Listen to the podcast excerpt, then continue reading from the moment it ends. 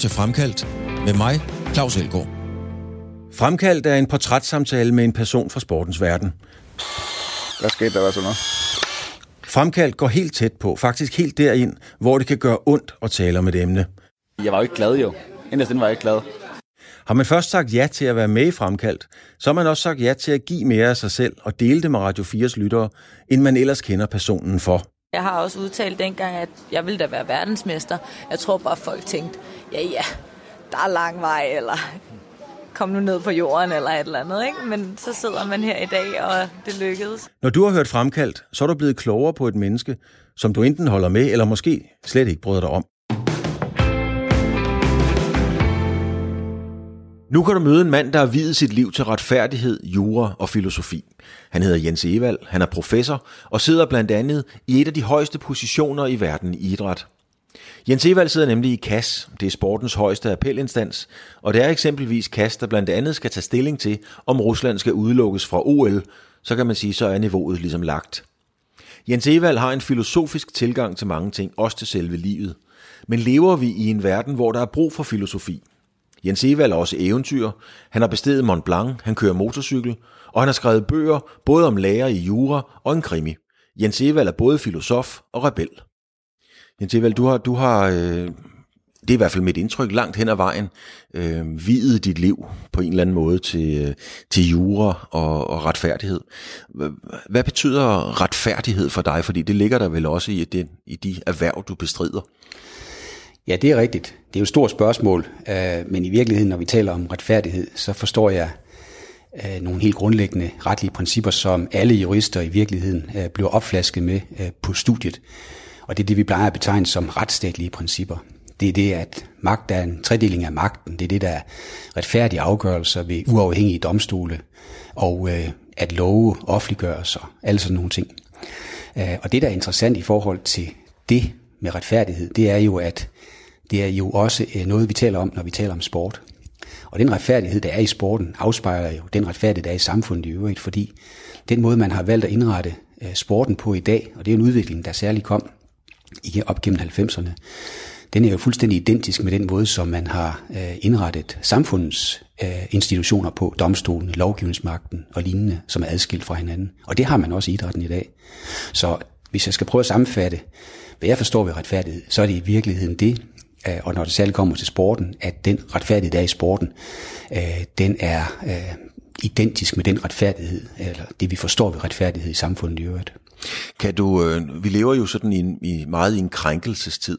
Kan du føle dig krænket på egne eller på andres vegne, hvis du ved eller føler, at nu skal retfærdigheden ikke fyldest? Jamen det tror jeg, det, det, det er i så fald en sådan en mere professionel uh, form for krænkelse. Um, for det er jo klart, at hvis man træffer afgørelser, både øh, inden for idrætten, men også i samfundet i øvrigt, øh, som strider mod nogle grundlæggende principper, øh, så er der noget galt. Men jeg føler mig jo ikke personligt krænket over det. Det jeg mere tænker på, det er, at man jo selvfølgelig skal have ændret de forkerte afgørelser, som er. Så jeg har en meget professionel tilgang til det, altså en, en juridisk tilgang til det som jurist. Men du har også en, øh, en, en filosofisk tilgang til det. Det ser det i hvert fald sådan ud til, kan man sige, når man ser, hvad du har skrevet af bøger og så videre. Øhm, kan filosofi og, og, og jura, øh, når jeg tænker på jura, hvad vil jeg have nær sagt, så tænker jeg, det er sådan meget øh, kontant, meget konformt. Hvordan kan man have en, en, en filosofisk tilgang til noget så, til noget så konkret?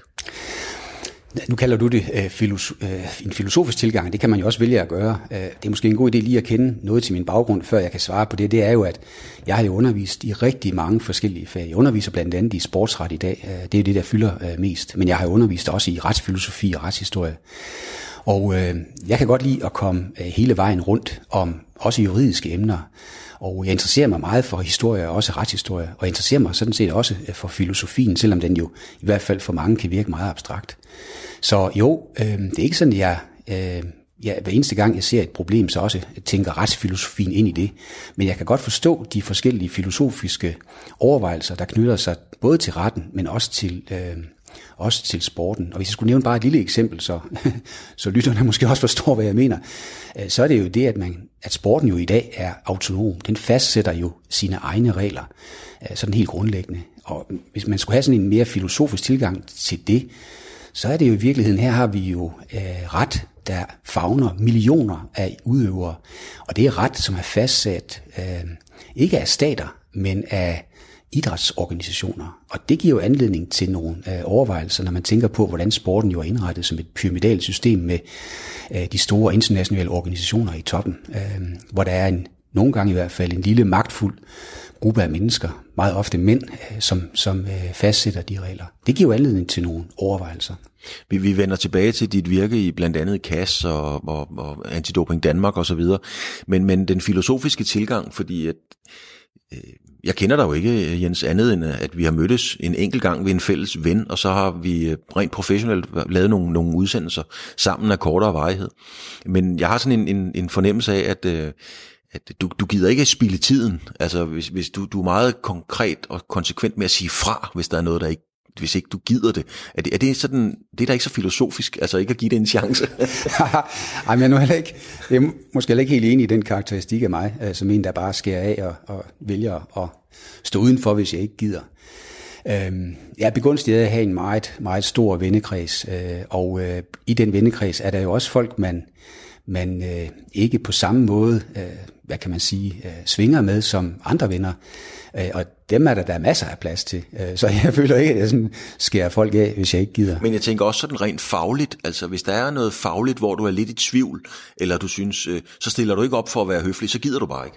Nej, øh, jeg tror, det beror på noget andet. Det er nemlig det, at jeg gerne vil udtale mig om noget, jeg ved noget om. Øh, men øh, jeg bryder mig ikke om at udtale mig om noget, jeg, jeg ikke øh, har noget kendskab til. Jeg bliver meget tit ringet op af journalister faktisk, øh, om noget, der ikke vedrører sport. Det er alt fra strafferet til offentlig ret, og det er måske fordi mit, mit navn dukker op i medierne fra tid til anden, og så tænker man, nu prøver jeg lige at kontakte øh, Jens. Det kan være, at han har et eller andet svar på det.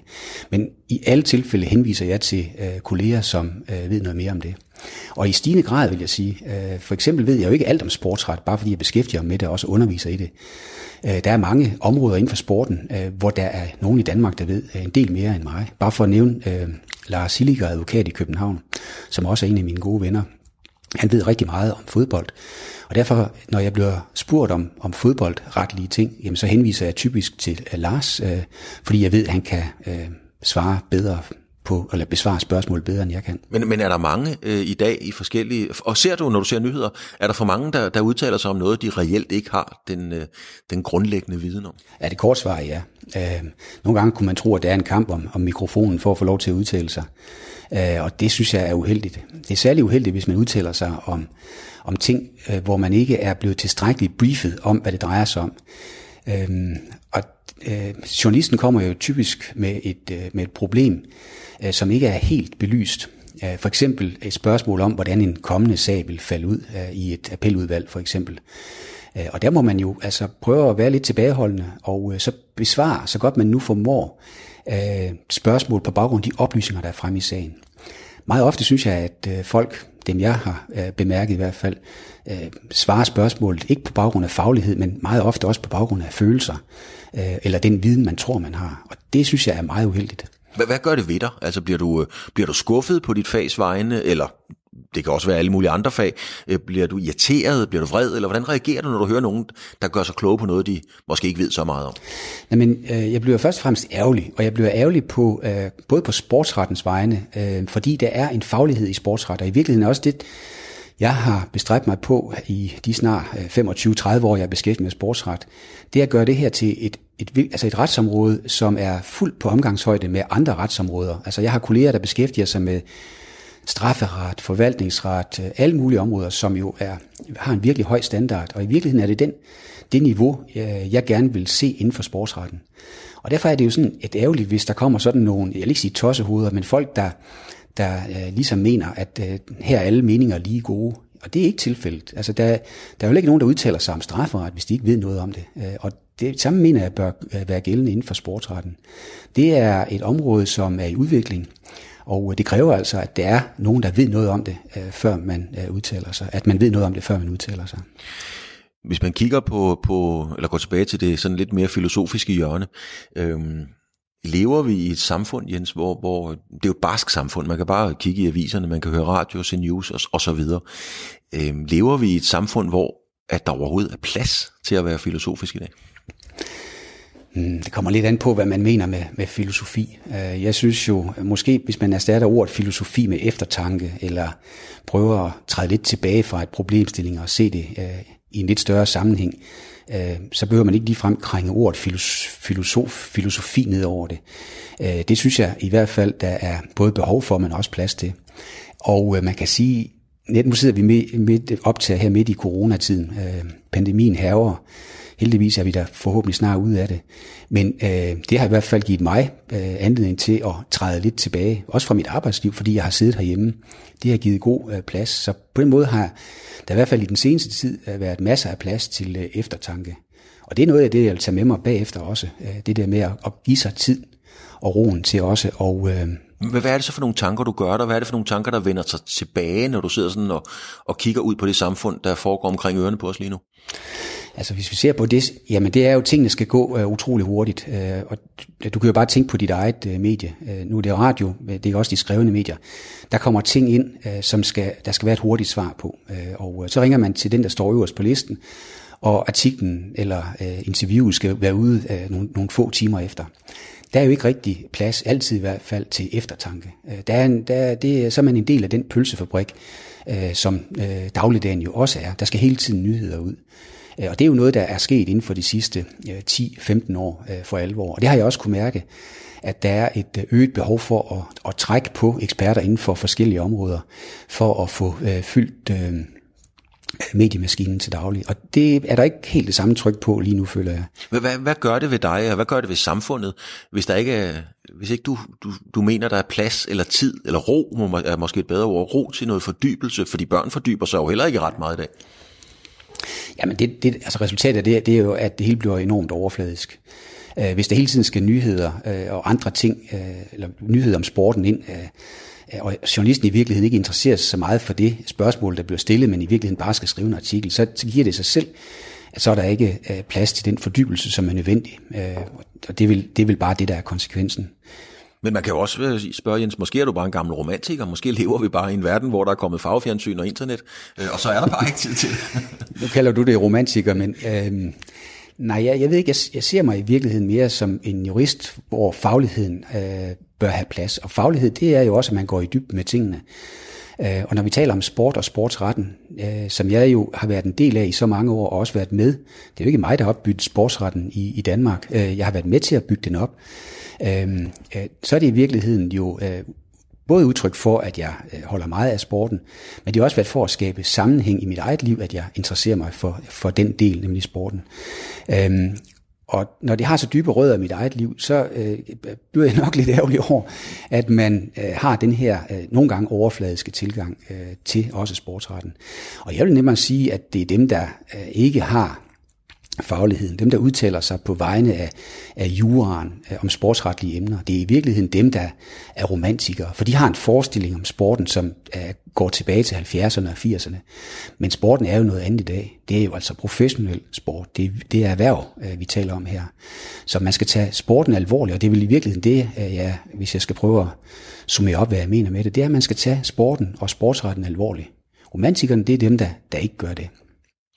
På bordet øh, foran os, der ligger som sagt øh, en masse billeder. Der er lige foran mig, der ligger et billede af nogle drenge. Jeg kan ikke se, hvor gamle de er. Hvor gamle er sådan nogle drenge der, Jens? Hvad er de jo? 9-10 år. Så står der nogle trænere på hver sin side. Øh, det er gymnastdrenge, tror jeg. De er ja, i hvert fald bare til. Det er det også, ja. Og, og i dag, det bliver jeg meget overrasket, fordi det havde jeg ikke set komme. Der mødte du mig, åbnede døren, øh, altid velklædt, men med bare tær. Den havde jeg sgu ikke lige set Jens Evald åbne døren med bare tær, men det havde du. Hvorfor havde du bare tær? Jeg har trægulv. Øh, jeg bor i et øh, fantastisk hus herude nord for Aarhus med udsigt ud over vandet, og øh, jeg har et lyst trægulv, og der solen står ind. Jeg elsker at gå med bare fødder, det har jeg altid gjort, og det øh, har jeg gjort faktisk siden jeg lavede gymnastik i tilbage i 80'erne, hvor vi jo altid lavede gymnastik med bare til. Og øh, så herhjemme, der har jeg som regel, med mindre det er vinter, der går jeg med, med bare til. Og jeg går i virkeligheden også i korte bukser. Men jeg tænkte, nu kommer den her berømte journalist i dag, så nu beholder jeg så de lange bukser på. Men ellers ville jeg have haft øh, kort bukser på i dag også.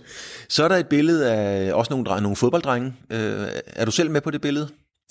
Ja, det er et billede fra øh, 70'erne, øh, fra Nyborg. Ja, det ligner Nyborgs dragt med blå bukser og hvide trøjer. Ja, det er det også. Øhm, og øh, vi spiller i, i øh, jeg tror det er juniorrækken her, øhm, og vi har, jeg tror vi spiller om det fynske mesterskab. Øh, det har vi gjort kort tid for Hvor, hvor står du? Jeg står der.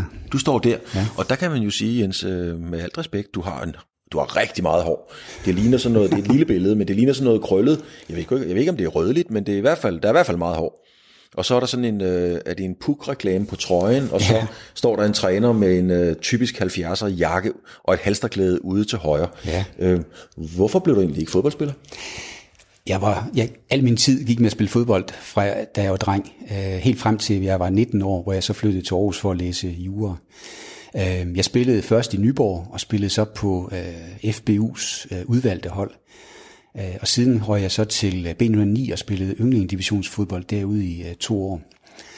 Og jeg var også med til de der forskellige udtalelsesstævner, der var blandt andet i Vejle, som var der hvert år. Og jeg havde sågar vedet med en af mine meget gode venner, øh, øh, fra Nyborg om, at jeg vil komme på landsholdet. Jeg skylder ham stadigvæk de 50 kroner, for jeg, jeg nåede aldrig at komme øh, på landsholdet. Men nåede trods alt at spille mod nogle af tidens aller, aller største spillere. Øh, og det var blandt andet sådan nogen som øh, Sivebæk øh, og den lille spiller fra øh, Næstved. Ja, nu har jeg lige glemt, hvad han hedder, men øh, det kom øh, Olsen, øh, hvad hedder han? Øh, Jesper Olsen? Jesper Olsen også. Og øh, da, vi, da vi spillede mod dem, og da vi så dem spille, der kunne vi jo se, der var jo en kolossal forskel. Altså det var jo, øh, det var jo personligheder, som stak ud øh, på banen, som simpelthen var så dygtige. Det, der faktisk er lidt sjovt, Jens, det er, at vi har spillet mod hinanden. Nå. Jeg, jeg spillede i det, der hed HFS dengang, og jeg spillede med Jørgen Kær og, og Harald Grønlund, og Ja. Bjørn Christensen var med Ja. i den årgang også, så vidt jeg husker jo. Han spillede ude i Beder Malling, men kom jo senere ind til AGF og så videre. Ja. Så vi har faktisk mødt hinanden på, på banen, og jeg spillede også ned, øh, både i nierne og mod Nyborg og så videre. Okay. Øhm, men det blev ikke den vej, du gik, og du, kunne også, du var også en rigtig, rigtig dygtig gymnast. Vi har nogle billeder af dig herovre fra, øh, fra hvor sidder du henne der? Ja, det er nok det samme store hår, Det er som det du samme siger. Nu store har jeg så også der. fået briller på der. Ja, faktisk, der sidder du med briller og er jo gymnast og utrolig veltrænet, og det er du jo- jo i øvrigt stadigvæk, og har jo altid været det. Det er en del af din DNA at være i god form, det kan jeg vist godt tillade mig at sige. Så røg du på gymnastikken. Øhm, hvorfor det? Jamen, øh, da jeg kom til Aarhus og begyndte at læse jura, øh, så boede min daværende kæreste i øh, Nyborg. Så jeg pendlede frem og tilbage, og det kan man ikke forlige eller forene med, at det at spille fodbold og kampe i weekenden. Så jeg holdt faktisk ret hurtigt op. Min kæreste på det tidspunkt gik på Aarhus Amts repræsentationshold, og så begyndte jeg også. Jeg har, nu sagde du godt nok dygtig, det vil jeg nu ikke øh, sige, jeg var, men jeg kunne i hvert fald øh, lave et kraftspring, og øh, stå på hænder. Og det var også nok dengang til at komme på rephold, hvor jeg så siden lærte at, at lave flikflak og andre ting. Øh, Men øh, jeg har vel ligget der øh, midt i, midt i, i gruppen af, af gymnaster, hvad angår talent. Der var også nogle rigtig dygtige gymnaster der. Så er der et billede af, at der- er noget løb her, der er noget, ja nu, der ligger ikke et billede af kajak, men det kunne du også godt have Ja. gjort. Og så har du din cykel. Hvorfor, Jens Evald, er det, at, øhm, altså nogen, vil, øh, nogle mennesker vil nok kalde dig sådan en elite motionist tosse, der bare skal være i god form. Jeg vil, jeg vil tro, lige nu har du en fedtprocent på ikke over 9.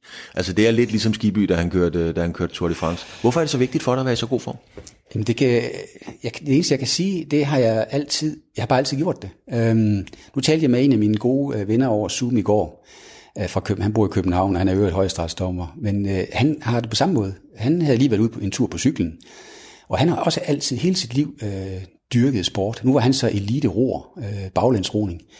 Øh, men vi har det på akkurat samme måde, og i min vennekreds er det i store træk på samme måde. Og dengang vi gik på gymnastikhold, der skulle vi lige hen, øh, når vi mødtes der til træning fredag, så havde vi lige, så nippede vi lige hinanden i sideflæsket, om der nu var røget noget på i løbet af ugen. og det sjove er, at det gør vi stadigvæk. Øh, vi går stadigvæk sådan rundt, når vi så mødes øh, her i madklubben, hvor der er nogle af mine gamle gymnastikvenner er, der går vi også lige hen og nipper hinanden. Og når vi er på skiture sammen den ene gang om året, så er det det samme. Når vi sidder i saunaen, så skal man lige kigge på, om folk nu også øh, øh, har holdt vægten, eller de ikke har. Jeg tror bare, det ligger i det. Altså hvis folk øh, har taget mange kilo på, så er vi jo fuldstændig ligeglade med det, men det er bare en del af, af omgangen. Men nu sagde du, det skal, det skal jeg måske lige... Jeg tror, jeg har regnet frem til, at du sagde baglandsroning. Det må være, fordi når du selv roer kajak, så, kajak, så sidder man med ansigtet i kørselsretningen. Ja, det gør man nemlig. Det er godt og ellers så hiver man i nogle oversider med Ja, ryggen det er lige præcis det. Det må være det, det betyder, ikke? Det er nemlig rigtigt. Nu er det jo coronatid. Undskyld Jens. øhm, nu, øh, nu er det jo coronatider. Prøv lige at tænde for din computer, fordi normalt så sidder jeg jo meget tæt på den, jeg interviewer. Øhm, og mens du tænder computeren, fordi jeg har nemlig fundet nogle klip, eller vi har fundet nogle klip frem, som, øh, som du heller selv lige må, må trykke ind på. Fordi du kommer jo til at gå, skal vi sige, øh, ikke den aktive hvis du havde haft en karriere som idrætsmand på samme måde, som du har haft det som jurist, jamen så havde du jo været verdensmester nærmest, kan man sige. Ikke? Øhm, og mens du, øh, du finder den der frem, hvad var det, der gjorde, hvor var det på tidslinjen, at du fandt ud af, at du skulle være sportsjurist? Jamen det øh, går tilbage til øh, øh, midten af 90'erne, og det kom så faktisk af, at jeg blev øh, inviteret til at sidde med ved etableringen af idrætsstudiet i Aarhus. Og der sad jeg så med i bestyrelsen i mange år. Og til den, uh, til den uddannelse skulle der laves en lærebog også i idrætsjura, uh, og den, det var den en af de første, der kom herhjemme. Den blev så offentliggjort i 1997. Og fra det tidspunkt har det sådan set, uh, har det sådan set været det, jeg har fokuseret meget på. Men, Lad os lige prøve en gang at se et klip. Nu kommer der et, et klip her, og det er jo, du kan næsten selv, vi kan lige høre noget, noget lyd fra det, og så kan du selv fortælle, hvad, hvad det er for noget. Det også være lige meget. Det er ubeskriveligt. Det er det største, han har lavet. Må ikke tårer i den øjenkrog allerede nu. Hvor er han en mester. Det der, det er for cool. Det er for at vinke Tour de France, han kører sådan. Ja, ja, for der er jo ikke noget med at køre og juble og vinke til folk. Eller Han er en mester, en tårer i øjenkrogene. Hvad var det, vi så et klip af? Det var Michael uh, Rasmussen, som jo uh, vandt en etape under uh, Tour de France i 2007. Jeg så det selv. Det var helt fantastisk at se. Mm. Han, øh, Dennis Ritter, som kommenterer med, med Rolf Sørensen, siger, at han er en mester. Øh, han blev også, øh, han fik nogle alvorlige øh, riser i lakken på grund af doping. I din optik, Jens, er Michael Rasmussen en mester? Er han en, øh, en grandpør, eller hvad Jørgen Let ville kalde det?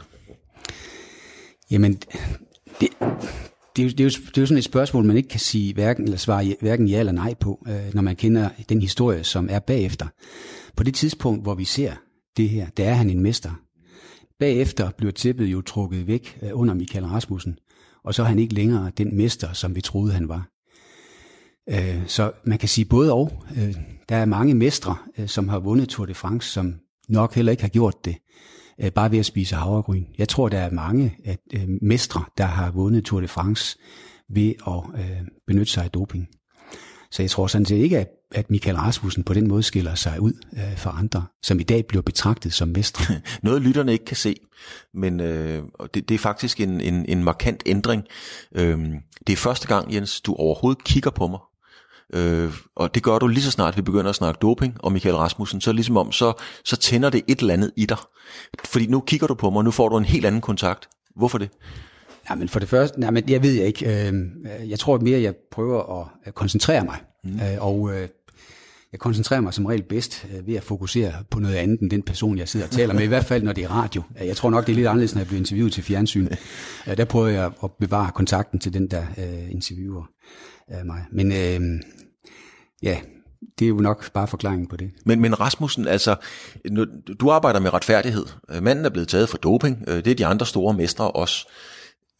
Er, er det så retfærdigt, at de er blevet knaldet? Er det retfærdigt, at de, de har fået taget titlerne fra sig, tursejrene, eller hvad de nu har fået taget fra sig? Eller er de ofre for, for, for, for, for tiden? Jamen, jeg synes ikke, at det er uh, uretfærdigt, at der er nogen, der bliver taget, og der ikke er, er nogen, altså, der er andre, der ikke bliver taget. Hvis jeg skal fortælle en, en lille parallel historie, som måske belyser det, jeg siger, uh, så er der jo 34 VADA-akkrediterede laboratorier i verden. Det er dem, der har mulighed for at teste dopingprøver. Der er kun fire af dem, øh, som er så gode, at de kan teste meget, meget små mængder, eksempelvis af EPO. Og det er der jo nogen, der bliver taget for. For eksempel af Contador, som havde så lille øh, minimal indhold af det, der hed glembuterol i sin urinprøve. Det var der kun fire ud af 34 laboratorier, der kunne teste for. Er det retfærdigt? Hvis han nu havde fået sin test, eller sin urinprøve testet på et andet laboratorium, så var han gået fri. Så er han aldrig nogensinde blevet dømt. Og øh, der har man jo, der kan man sige det, man kan jo ikke, man kan jo ikke beklage sig over, at øh, der øh, den dag, man bliver taget, at det så er den hurtigste politimand, øh, man så bliver øh, mødt øh, af den dag, og man så bliver knaldet. Øh, så det er ikke, det, vil jeg sige, det er ikke uretfærdigt. Øh, og det har vi jo øvrigt også flere kasseafgørelser, der slår fast. Det er ikke nogen begrundelse for, at man så skal slippe fri, at man tilfældigvis er blevet taget af det laboratorium. Som Men gør det, gør det, tager det noget fra dig, tager det noget fra, for vi har lige set et billede af hans solorit her, det, og isoleret set var det jo en fantastisk præstation, det men tager det noget fra dig at vide, at han var dopet, mens han gjorde det, eller er præstationen isoleret set stadigvæk fantastisk? Altså nu skal du huske på, eller det, det er måske værd at huske på, at vi siger 2007. Øh, det er jo faktisk øh, godt og vel et år efter, jeg er blevet formand for Antidupen Danmarks mm. Jeg ser de her ting, og så også de her ting på en anden måde. Øh, jeg havde jo klart øh, dengang fokus på brug af doping. Og øh, da Michael Rasmussen jo så blev taget, øh, og det, han blev ikke taget for doping dengang, men det var på grund af de her forskellige advarsler, han havde. Måden det kom frem på var meget uheldig. Øh, der var jo selvfølgelig nogen, der oplyste om disse øh, advarsler, øh, hvor det ikke skulle være blevet oplyst osv. osv. Øh, så mit fokus var altså mere på håndtering af selve det problem, som Michael Rasmussen-sagen udviklede sig til at blive, end at jeg egentlig havde tid og lejlighed til at overveje, om det her nu også var noget, der var øh, en flot præstation. Men nu har du selv sagt, at nu er det coronatider, og man kan sidde og perspektivere ting og fordybe sig i det og sådan nogle ting og sager. Hvis du så tænker tilbage på det nu, øh, er det så stadigvæk en flot præstation, eller er han en bandit og en skurk? Jeg kan i hvert fald sige, jeg har aldrig, og det havde jeg heller ikke min tid som formand for øh, bestyrelsen i Jensum Danmark, øh, jeg har aldrig nogensinde betragtet uh, hverken Bjarne Ries, Michael Rasmussen eller andre som banditter eller noget lignende. Og jeg har aldrig på den måde taget afstand fra dem som mennesker eller personer. Jeg har forholdt mig til, om de har overtrådt nogle regler. Mm. Og det er i virkeligheden den funktion, jeg så, jeg havde dengang. Nemlig at håndhæve de regler, der var Øh, og som sådan set også er i dag, hvor jeg nu sidder som voldgiftsdommer og skal træffe afgørelser i, øh, kan man sige, lignende sager. Jeg ser, jeg ser også mennesket. Jeg har siddet over for idrætsudøvere øh, fra forskellige lande i verden, øh, og jeg ser dem som mennesker. Jeg prøver at behandle dem så godt som overhovedet muligt, øh, og så anstændigt som det nu er muligt i en sag. Altså, at de får retfærdighed. Det er det, men, det handler men, om. Men, men nu hvis lige får hurtigt besvare de spørgsmål. Nej, jeg ser dem ikke som forbrydere, eller banditter, eller dårlige mennesker. Øhm, det var udbredt brug af doping dengang i sporten. Men Jens, når nu du har videt dit liv til, til retfærdighed, øhm, er du så ikke nødt til at tage afstand fra det? Fordi de har jo snydt. Altså, nu behøver vi ikke sætte navne på, det er sådan set lige meget, om det er Bjarne Ries, eller om det er øh, øh, nogle andre. Det er ikke så meget det, det er mere princippet i det, det er, det er den filosofiske tilgang til det. Er du ikke som dig nødt til at tage afstand fra det og sige, sådan noget, det kan jeg simpelthen ikke synes er flot? Altså, så er det så mig, der er skizofren. Altså, det, øh, jeg kan sagtens se, at den præstation er flot, fordi man skal jo også tænke på, at doping er jo ikke det hele fordi du tager doping, er det ikke ens med, at du bare vinder Tour de France. Altså, det er jo ikke sådan, det er. Der ligger jo tusindvis af timer, et helt særligt talent og en helt særlig viljestyrke til at komme op af de her bjerge og komme nummer et, eller blive nummer et. Så jeg kan sagtens se, hvad kan man sige, det sublime i den præstation. Men jeg må så også bagefter sige, at, at der er en begrundelse for, hvorfor det så var så flot. Og det var så, at der er blevet brugt doping. Jeg, jeg, det er ikke sådan, jeg tager jeg er ikke moralist, jeg er jurist, og der er altså en væsentlig forskel på det. Øh, jeg, kan, jeg, jeg skal håndhæve reglerne. Det her er ulovligt, så derfor må vi jo uh, sørge for, at uh, der bliver truffet en, den nødvendige sanktion i forhold til det, der er sket. Men det er ikke sådan, jeg bagefter tænker eller siger, åh, oh, sikke en forbryder, sikke en bandit, og han har også skuffet mig. Altså, så skulle øh, man jo gå og være skuffet hele tiden. Men hvordan, øh, hvordan går det hånd i hånd? Altså det der med at være jurist på den ene side, øh, og så på den anden side kan man rigtig, rigtig godt lide cykling. Øh, og du cykler mange kilometer selv, og du har en, en fascination og en passion for cykelsporten. Hvordan skiller man det ad? Altså det juridiske aspekt på den ene side, og passionen på den anden side? Jamen for mig hænger de der ting der sammen. Altså øh, det hænger fuldstændig sammen. Men det er jo bare juristens rolle. Det er at være linjevogter i samfundet, og så når bolden er ude, så at sige, så også at få den øh, dømt ude, og så må man tage konsekvensen af det. Øh, der er brug for folk, der er dommere ved domstolen, der er brug for øh, anklager, der er brug for advokater, og i virkeligheden er det bare de funktioner, øh, jeg også har. Øh, jeg kan sagtens være passioneret, og jeg kan sagtens se øh, Tour de France. Nu har jeg så ikke øh, haft lejlighed til at se det sidste år. Øh, I hvert fald ikke følge det så, så, så meget, øh, men det kan jeg sagtens. Jeg kan følge topsport selvfølgelig er der, er der doping i topsport, men det rykker ikke ved fascinationskraften hos mig i hvert fald. Det gør det ikke. Jeg finder lige et andet, øh, et andet klip her, Jens, fordi det har ikke noget med... Øhm, det har ikke noget med øh, cykelsport at gøre, men det har i høj grad noget med doping at gøre. Og Nu skal vi lige se, om vi kan finde musen. Vi sidder jo her. Den var der. Nu starter det her.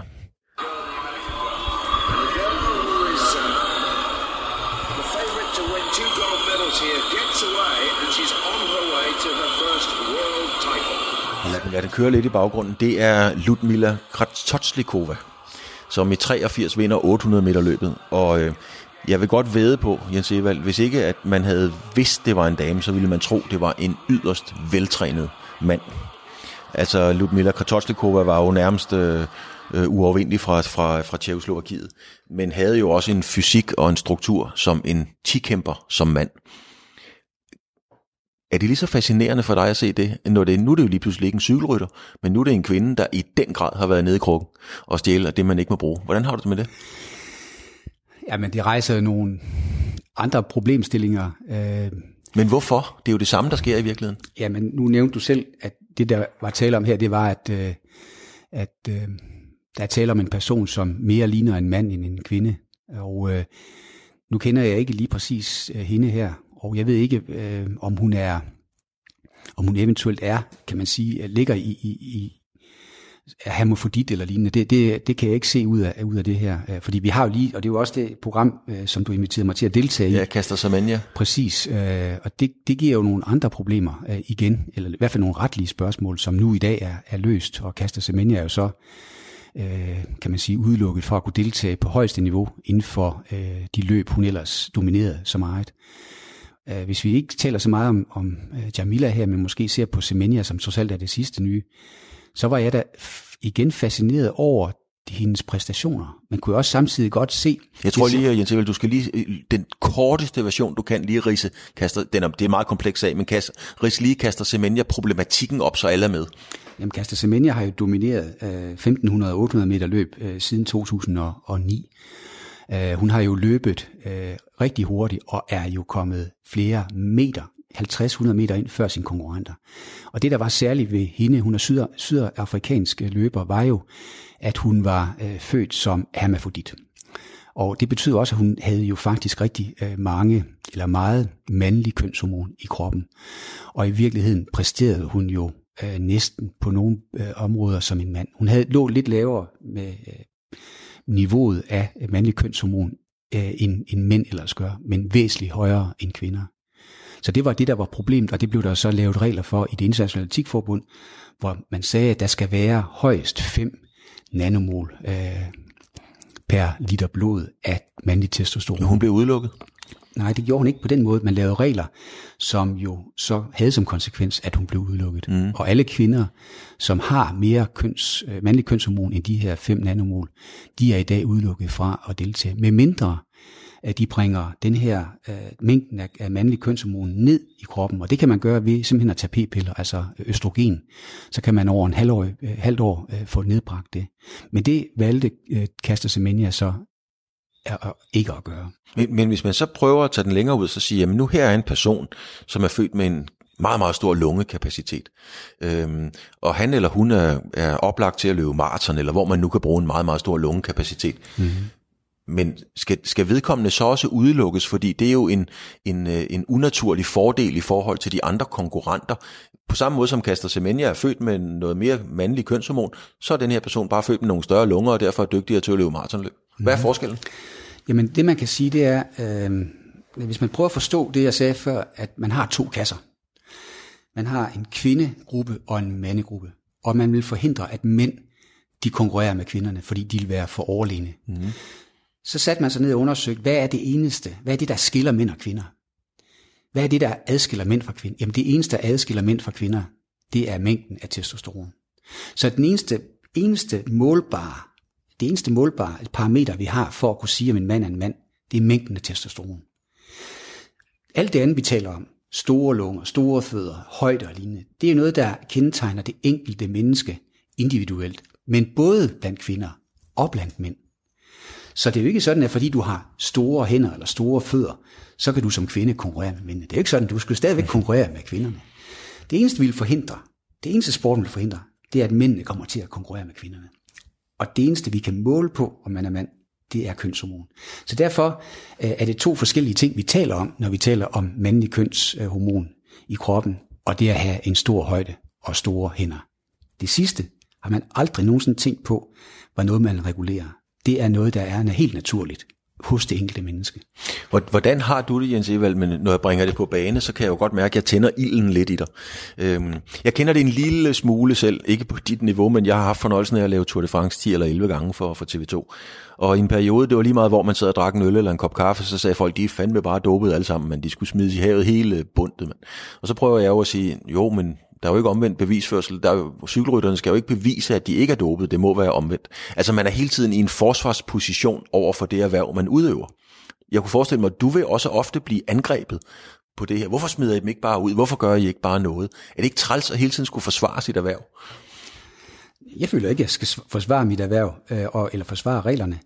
Jamen, i virkeligheden øh, føler jeg, at min opgave er at forklare dem.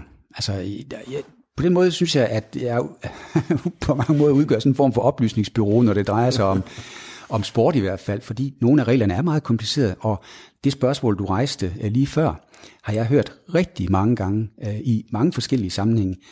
Og der er der jo ingen grund til at blive øh, fornærmet på sportens vejen. Der har sporten jo så et forklaringsproblem. Og det vil jeg meget, meget gerne være med til at hjælpe sporten med at forklare, hvorfor reglerne er, som de er. Og når så de er forstået, og det er jo sådan en væsentlig forudsætning for, at man kan kritisere dem, det er, at man har forstået reglerne. Ja, det er rigtigt. Øh, så kan vi tage diskussionen, om de så er rimelige eller ej. Men har du tålmodighed til det, Jens Fordi der er mange øh, øh, eksperter øh, på dit niveau, de bliver lige nogle gange meget korte for hovedet, når sådan nogen som mig ikke kan forstå det. Altså, hvor man kan se i øjnene på dem, hvor de tænker, så forstå det dog. Altså, og det er sgu komplekst, og det er svært at forstå. Kan du godt have tålmodighed til at blive ved med at forklare det? Fordi det er jo det, du skal. Jamen, det er jo, det er jo mit job. Altså, jeg er jo på, jeg har undervist på universitetet siden øh, 1990, tror jeg, 91, 90-91, og jeg har haft både med øh, førsteårsstuderende og øh, studerende på overbygning, altså der har læst i, i 4-5 øh, år. Øh, jeg har mødt gode studerende, dårlige studerende, men det er det samme. Man er simpelthen nødt til at have den tålmodighed, der skal til, for at man kan forstå det. Altså som kirkegård, nu vender vi mm. tilbage til filosofi, ja, det er man er nødt til at leve sig ind i det enkelte menneske, og prøve at finde ud af, når man er inde i det enkelte menneske, hvad er det, der gør, at vedkommende ikke kan forstå det.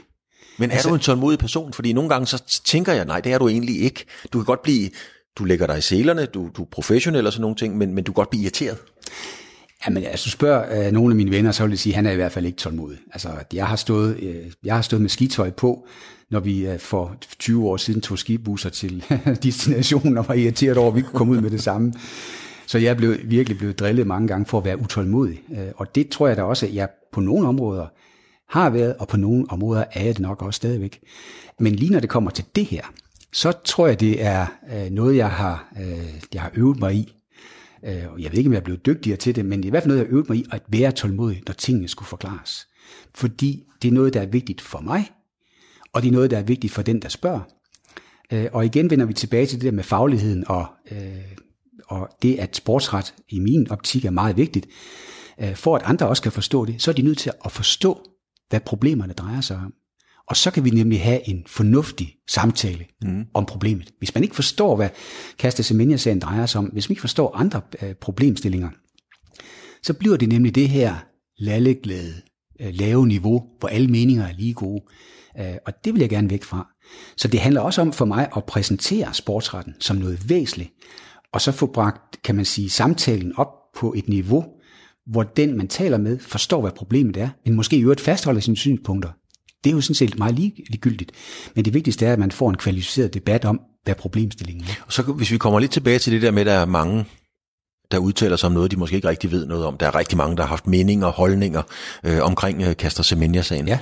Når du læser sådan en artikel i en eller anden avis, eller du hører det i radioen eller ser det i tv, og du kan høre, det er ikke kvalificeret det der. Slukker du så, pakker du avisen væk og gider ikke at høre det færdigt, eller sidder du og bliver, og bliver mavesur? Nu har jeg hørt det rigtig mange gange, og det kan godt være, at de første par gange, jeg hørte øh, folk udtale sig om noget, de øh, bestemt ikke havde forstand på, at man så bliver irriteret. Det sker jo altså også i andre sammenhænge. Jeg kan nogle gange æve mig over, at den pågældende journalist så har valgt at få en udtalelse fra, fra den person, eller og det gælder jo sådan set hele vejen rundt. Jeg var heller begyndt et andet sted, nemlig dengang jeg blev formand for en bestyrelsen i Antilopen Danmark, hvor jeg blev ringet ned flere gange om ugen. Ikke ringet ned, fordi folk, journalister som dig ringede mange gange om ugen for at høre et eller andet. Og der besluttede jeg mig allerede fra første dag at bruge den fornødne tid med den pågældende journalist, så vedkommende kunne forstå, hvad det drejede sig om. Og der var jeg jo privilegeret af at være jurist, fordi den tidligere formand var læge, og havde ikke så måske på den samme øh, måde, som jeg havde forståelsen for det rent juridiske. Øh, og det er jo, jura og moral hænger jo tit sammen, ligger i hvert fald i grænselandet. Øh, og for min opgave var det at så få skilt det juridiske øh, og det moralske. Men jeg tog mig tiden til det. Øh, og det samme nu var der en, en, en interview, jeg var med i her i Jyllandsposten i går, øh, og den tog i virkeligheden meget lang tid at få på plads, den artikel. Jeg brugte nogle timer på den, sammen med journalisten, og det blev en god artikel. Øh, ikke fordi jeg øh, skrev den eller noget, men fordi journalisten forstod, hvad drejede det her så om, og fik derfor vinklet på den rigtige måde. Så det blev en rigtig, rigtig god øh, artikel, der kom ud af det. Øh, og det vil jeg gerne være med til. Jeg vil rigtig gerne med til at bruge tiden, der skal til, for at der kommer et godt produkt ud af det. Øh, frem for bare, du ved, at nu svinger man mikrofonen, udtaler sig, og så øh, bliver det, man har sagt øh, til en båndoptager, det bliver bare citeret. Og nogle gange er det jo noget værd, man selv har sagt. I hvert fald er det, kommer det ikke i den rigtige rækkefølge. For nu, nu har vi øh, snakket Kaster Semenya. Du sidder jo i KAS, som øh, er idrættens øh, øverste appelinstans. Altså det er der, de helt tunge beslutninger bliver taget. Skal Rusland udelukkes øh, fra OL, så, så niveauet ligesom lagt. Det kan ikke blive meget større end det. Mm. Hvordan er det at sidde med der? Fordi du er med til at skrive idrætshistorie næsten hver gang, du er med til et møde og skal tage en beslutning. Øhm, for det første har jeg jo været meget heldig, først, for det første at blive en del af det. Altså jeg blev KAS øh, voldgiftsdommer i 2015, øh, 1. januar. Så gik der faktisk øh, næsten halvanden, to år, før jeg fik min første sag, og så gik det pludselig hurtigt. Og i dag har jeg haft øh, nogle af 30 øh, sager, og der har været nogle meget store, tunge sager øh, ind imellem dem. Det er øh, spændende. Det er meget spændende faktisk. Øh, jeg har siddet med Øh, berømte idrætsudøvere, jeg har siddet med øh, øh, berømte personer, som er med via Skype, øh, gemt bag gardiner i øh, USA, fordi de er ved at, de har fået vidnebeskyttelse, og man må ikke se deres ansigter. Så øh, nogle gange er det øh, dramatisk, andre gange er det mindre dramatisk, og nogle gange er det ukendte idrætsudøvere. Øh, men i virkeligheden har jeg den samme tilgang både til meget kendte idrætsudøvere og til øh, ukendte, nemlig den, at øh, de skal behandles ordentligt, og at øh, selvom jeg måske kan se, hvilken øh, vej sagen går, så har de en ret til at blive hørt. Øh, og det, øh, det er den mulighed, de har. Men hver gang, at øh, næsten hver gang I har sådan en sag, ja faktisk hver gang, så er det jo en lille Champions League finale, altså det er jo en kæmpe, kæmpe ting indenfor. Tænker man over det, at man er med til at skulle at skrive idrætshistorie? Altså når du siger ja eller nej til et eller andet, så er du med til at præge historien? Ja, altså det, det gør jeg. Jeg er nu ikke helt enig i det, at det gør man hver gang. Jeg har haft mange dopingsager, øh, som jo aldrig sådan set øh, kommer til offentlighedens kendskab. Det er små sager. Men jeg har også været med til at udelukke, øh, hvad kan man sige, det er hvad hedder det, nationale idrætsforbund, så de ikke kommer med til OL, øh, hvor de flyver ind fra et land, og de møder rigtig mange mennesker og kæmper så sagen. Det har kæmpe enorm betydning for det pågældende land. Men jeg vil også sige, at jeg har jo været jurist i så mange år, øh, og også været med i andre sammenhænge, hvor der skulle træffes meget alvorlige beslutninger, både i Ansluben Danmark og i mindre grad i, i Dansk Kende- og Kajakforbunds appeludvalg, hvor jeg har siddet som formand. Så jeg, har, jeg er vant til at træffe beslutninger, øh, og det er altid juridiske beslutninger. Mm. Det er jo beslutninger, som, hvor, hvor man, man tager udgangspunkt i reglen, fortolker den og træffer en beslutning. Men det er helt klart, at man, jeg har selvfølgelig det perspektiv for øje hver gang. Jeg, har, jeg, jeg var med i øh, en sag, hvor, øh, og det var den første af sin art, hvor man skulle tage stilling til øh, et indirekte bevis. Det var en af russersagerne, og man stod på øh, en særlig liste. Det skal jeg ikke komme nærmere ind på, hvad, hvor konkret det var. Det hed washout schedules. Men en særlig liste, bare det, at man stod på navnet, øh, med, med navn på den liste, om det var nok til, at man kunne udelukkes. Og det var den første af sin art. Den blev afgjort i 2018. Og der var jeg meget bevidst om også, at den sag, at den kunne øh, danne præcedens, og at den skulle nok og der skulle være meget opmærksom på, hvordan den skulle skrives. Man, man skriver jo afgørelsen på engelsk, øh, og man har sådan en, en, en, en counselor, altså en rådgiver, en juridisk rådgiver, som er ansat ved KAS, der sidder med, øh, og som hjælper en, hvis man øh, har spørgsmål til forskellige mm. ting. Men ellers sidder man, når man sidder som enevoldgiftsdommer, så har man ansvaret selv. Men dengang var jeg meget bevidst om konsekvensen af den afgørelse. Øh, og det viste sig også, det var til min store overraskelse, at den gik jo verden rundt det var jo sådan, at det er jo ikke alle afgørelser, man træffer i kast, der på den måde øh, kommer til at øh, ramme nettet øh, og går verden rundt. Men jeg blev jo ikke engang selv opmærksom på det. En af mine tidligere kolleger i, i, øh, i uh, Antilopen Danmark, skrev til mig, du er da vist blevet kendt, skrev hun så. og der gik jeg så på nettet, og jeg kunne se fra New York til Delhi til Moskva til, altså den gik simpelthen bare uh, nettet rundt, hvor jeg også var nævnt med navn uh, og i den her afgørelse her. Men Jens, det er jo sådan, det er jo den professionelle del, og det er nogle kæmpe. Øh, den, der er jo også en anden Jens Evald, øh, som, øh, som har kørt på motorcykel. Måske godt du stadigvæk. Du har bestiget Mont Blanc rent faktisk. Ja. Øh, du kan godt lide at tage rygsækken på. Ja. Det, er jo, det er jo langt, langt væk fra at sidde på de bonede gulve i kasse. Hvem er den rigtige, Jens? Det er begge dele der. Jeg, jeg, jeg elsker faktisk begge dele. Og jeg tror i virkeligheden, at det du beskriver her, det er, øh, det, det er ganske, er ganske almindelig menneskes hverdag. Altså, dem jeg kender, øh, som måske også er, øh, er, er nået langt, hvis man kan sige det på den måde i tilværelsen. Øh, jeg kender jo alt fra, jeg kender alt fra, øh, øh, altså når jeg hellere sige det på den måde, min vennekreds består af venner fra sporten, og de laver jo alt mulige ting. De, mm. Der er taxachauffører, der er ingeniører, der er en højstrætsdommer, der er mængder af ting. Jeg kender dem jo ikke, fordi de er det. Jeg kender dem, fordi de er de mennesker, de er, og mm. de er mine venner øh, på grund af det. Øhm, og, og det, der er sjovt, det er jo, at øh, anføreren på, på, på holdet med spillerne med fodbold, det er jo ikke hverken professoren eller højstrætsdommer. Det kan lige så godt være en hvilken som helst anden mand. Det er den bedste til at være anfører. Den bedste til at være anfører, ja. Og det, og, og det er det, jeg elsker ved sporten.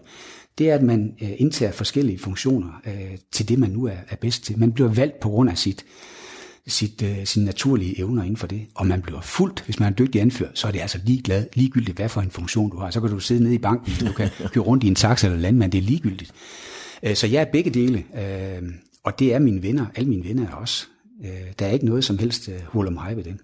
Jens, en del af programmet, det er, at jeg skal tage et billede af dig, og det gør jeg jo med stor glæde. Og det gør jeg der. Der sidder du. Og øhm, så skal jeg øh, bede dig om at, at kigge på det her. Sådan der. Og så skal du fortælle mig, hvad er det for en mand, der sidder der? Ja, jeg vil sige, først og fremmest øh, ser jeg jo afslappet ud, og øh, jeg sidder med en, med en mikrofon i hånden. Og så sidder jeg med ryggen til udsigten, som du jo så har. Jeg synes, det er en mand, som afspejler, eller ud, ud, hvad hedder sådan noget, udtrykker ro og, og er i balance med sig selv og sine omgivelser. Det er vel i virkeligheden det, det handler om. Og som jeg har sagt tidligere, så kan man også se på dig, at du er jo i, i fantastisk god form. Ro. Øhm, er du sådan meget... Øh, er, er det, ro, er det din øh, DNA? Er det din uh, benzin, kan man sige? Ja, altså ro kan man jo i virkeligheden få på mange måder. Det, så handler det ikke bare om at have, have stillhed, men det er jo øh, ro til at læse, ro til at, at dyrke sin, sin sport, øh, være ude at cykle. Øh, det er, der er enormt meget næring i at løbe en tur eller, eller cykle. Der kommer så mange ting ind, når, når jeg løber eller cykler. Men øh, jeg sidder lige så tit her i stuen og, og læser bøger. Jeg læser rigtig øh, meget, og det er også en, ro for mig. Det er at lade op. Og jeg lader op her, øh, hvor jeg bor. Og det er jo også derfor, det er et godt sted at mødes. Øh, fordi det er her, jeg personligt øh, føler mig mest i ro. Er der også ro på, når nogen, og det er der helt sikkert nogen, der siger, ikke bare om dig, men øh, om alle de der studerede røvere, som, øh, som man siger, jamen du har skrevet, han er ham der, Jens Evel, han har også skrevet sådan en masse bøger, der er alligevel ingen, der læser dem. Øh, hvad, hvad er nu det for noget? Ikke? Hvad, hvad, hvad tænker du så? Jamen, jeg skriver ikke øh, bøger først og fremmest for, at de skal blive læst, men fordi jeg synes, det er spændende at skrive bøger. Øh, nu har jeg lagt to herovre biografier, som jeg har skrevet. I virkeligheden har jeg ikke skrevet de bøger for, øh, at at de skulle læses af andre. De er så heldigvis blevet læst af rigtig mange, specielt af, af danske jurister. Nu er den ene på engelsk, den er også læst af udenlandske jurister. Men jeg har skrevet dem, fordi det at leve sig ind i et andet menneske, det at prøve at, at afdække, hvad er det for et andet øh, menneske? Hvorfor er de personer nået dertil, som de øh, i deres liv, som de, de, de, øh, de ting, de nåede? Øh, man spejler sig i andre mennesker, og jeg spejler mig meget i de to andre mennesker, som jeg har set de var jo forfærdeligt, øh, hvad hedder det, selvoptaget. Mm. De var jo professorer inden for de samme fagområder, som jeg også har dækket, nemlig retsfilosofien. De var forfærdeligt selvoptaget. Og øh, de var forfærdeligt optaget også af at have et eftermæle. Nemlig det, at de fik, blev æresdoktor, og de skulle have dok, hvad hedder, alle mulige æresbevisninger. Øh, det er jeg heldigvis fuldstændig fritaget for den ambition, at forsøge at skabe mig et eftermæle. Det interesserer mig øh, overhovedet ikke. Du er ikke, selv, Men, du, er, du er ikke selvoptaget? Jamen, det, øh, det, det, det ved jeg ikke, om jeg ikke er selvoptaget. Det betyder, at, vil, at man kun går op i sig selv. Det gør jeg ikke. Jeg er mere optaget af min familie end mig selv i virkeligheden. Men, men jeg er da optaget af mig selv på den måde, jeg er optaget af at lave de ting, som jeg interesserer mig for. Øh, og det har jeg gjort i rigtig mange år. Og det giver jo en, en stille glæde, om man vil. Men lige for kort at vende tilbage til det der med, at, at det, det, det gør, at man interesserer, jeg interesserer mig for andre mennesker, dybest set. Så det har været en fantastisk ting at skrive biografierne, fordi man lærer også af de her andre menneskers liv. Og i særlig grad, synes jeg, at man lærer at træffe de rigtige beslutninger i forhold til ens liv. Nemlig at leve med at være så forfængelig. Øh, og at man hele tiden skal forsøge at skabe et eller andet, der, der, varer ens, der også varer efter, øh, man, man ikke er her længere. Det har tidligere generationer, specielt dem jeg har beskrevet med, været meget optaget af. Jeg er helt bevidst om, den dag jeg ikke er her længere, så er jeg ikke længere. Og de lærebøger, jeg har skrevet, de bruges formentlig ikke mere. Der kommer en ny generation, der skal overtage. Tingene falder væk, når jeg ikke er længere. Jeg har ikke noget behov for øh, at gå ud over min egen tid. Sådan vil jeg øh, sige det. Og det har stort set alle dem, jeg har beskæftiget mig med, det har været deres næsten eneste formål i deres sidste leveår. Det var at sikre sig et eftermæle, at de ikke bliver glemt nogensinde. Det er mig aldeles ligegyldigt.